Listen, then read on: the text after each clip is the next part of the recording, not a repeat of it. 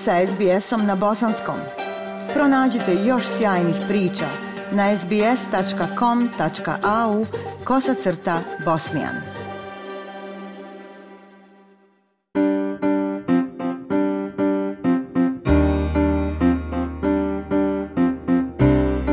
Slušate SBS program na bosanskom. U narednim minutama govorimo o potrebi za programom skeniranja bubrega kod osoba koje žive s diabetesom. Očekuje se da će se do 2045. u Australiji udvostručiti broj ljudi koji žive s diabetesom na oko 3 miliona. Ovo stanje može dovesti do ozbiljnog oboljenja bubrega, a koje se može spriječiti. Diabetes Australia, organizacija koja se bavi diabetesom, ističe hitnu potrebu za programom screeninga bubrežnih bolesti kod osoba s diabetesom.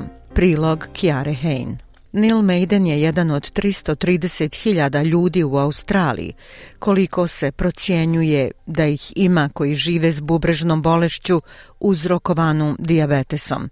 To ga stavlja u opasnost od zatajenja bubrega koje zahtjeva dijalizu ili transplantaciju. Um, I'd heard a lot about uh, being on dialysis. Um, Čuo sam puno o tome kako je biti na dijalizi. Brinem se jer ideja da ću biti vezan za mašinu veći dio svog života nije baš inspirativna. Nus pojave i drugi problemi koji mogu proizaći iz toga također su zabrinjavajući, ali pretpostavljam da će se moje stanje popraviti i nadam se da se to neće dogoditi meni. Novi izvještaj organizacije Diabetes Australia naglašava uticaj bubrežne bolesti povezane s diabetesom i povezanog zatajenja bubrega. Ekonomski trošak ovog stanja iznosi oko 2,6 milijardi dolara godišnje. Izvještaj također otkriva da dijaliza za podršku ljudima koji žive s bubrežnom bolešću uzrokovanom diabetesom čini 5% hospitalizacija. Justine Kane je direktorica odjela za diabetes u Australiji. We are in the middle of a diabetes epidemic. Chronic kidney failure brings with it Nalazimo se usred epidemije diabetesa. Hronična insuficijencija bubrega sa sobom donosi velike promjene u načinu života. 5 sati, 3 puta sedmično. 52 sedmice godišnje, dakle 780 sati godišnje u bolnici na dijalizi. 50% ljudi na dijalizi prijavljuje značajnu depresiju, kao i mnogi njihovi njegovatelji. Rano otkrivanje intervencija mogu pomoći u usporavanju bolesti bubrega, ali manje od jedne od četiri osobe u Australiji koje žive s diabetesom pregledavaju bubrege u preporučenim vremenskim okvirima. Profesor Richard Makisaki je direktor endokrinologije u bolnici St. Vincent's u Melbourneu. Probably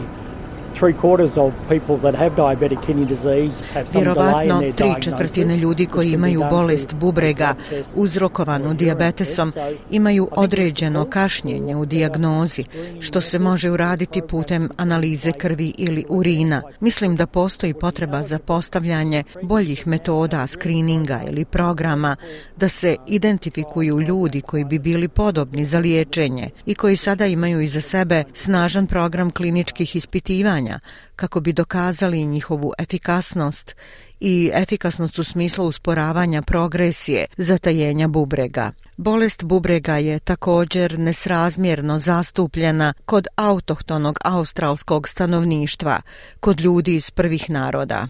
Profesor Gini Pedajag sa Kliničkog instituta za internu medicinu Epworth objašnjava.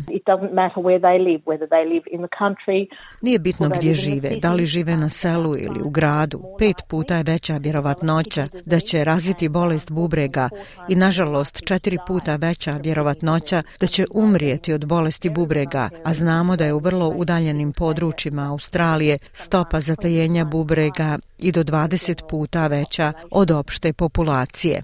Justine Kane kaže da je potrebno uvesti ciljani program skrininga. Moramo promijeniti brojeve. Imamo odlične programe skrininga koji su već dostupni u Australiji. Imamo skrining raka crijeva, raka grlića materice, skrining raka dojke, imamo skrining raka pluća. Zaista je važno da razmotrimo opcije i šta možemo zajednički učiniti da promijenimo ove brojke. Savezni ministar zdravstva Mark Butler pohvalio je vladino partnerstvo sa organizacijom Diabetes Australia. I'm delighted at the opportunity to work with Diabetes Australia on this concept. Drago mi je da imam priliku da radim sa Diabetes Australia na ovom konceptu. Imamo partnerstvo sa organizacijom i saveznom vladom, oba politička uvjerenja već više od tri decenije i mislim da je to partnerstvo pružilo neke od najboljih svjetskih medicinskih usluga pacijentima koji boluju od dijabetesa. Lijek koji usporava opadanje funkcije bubrega kod osoba koje žive s dijabetesom tipa 2 i hroničnom bubrežnom bolešću dodan je u šemu farmaceutskih beneficija od 1. jula. Lijek se zove Karendija i korisnike će koštati 1000 dolara godišnje. Ja sam Aisha Hadži Ahmetović. Ostanite uz SBS program na bosanskom jeziku like, share, comment. Pratite SBS Bosnian na Facebooku.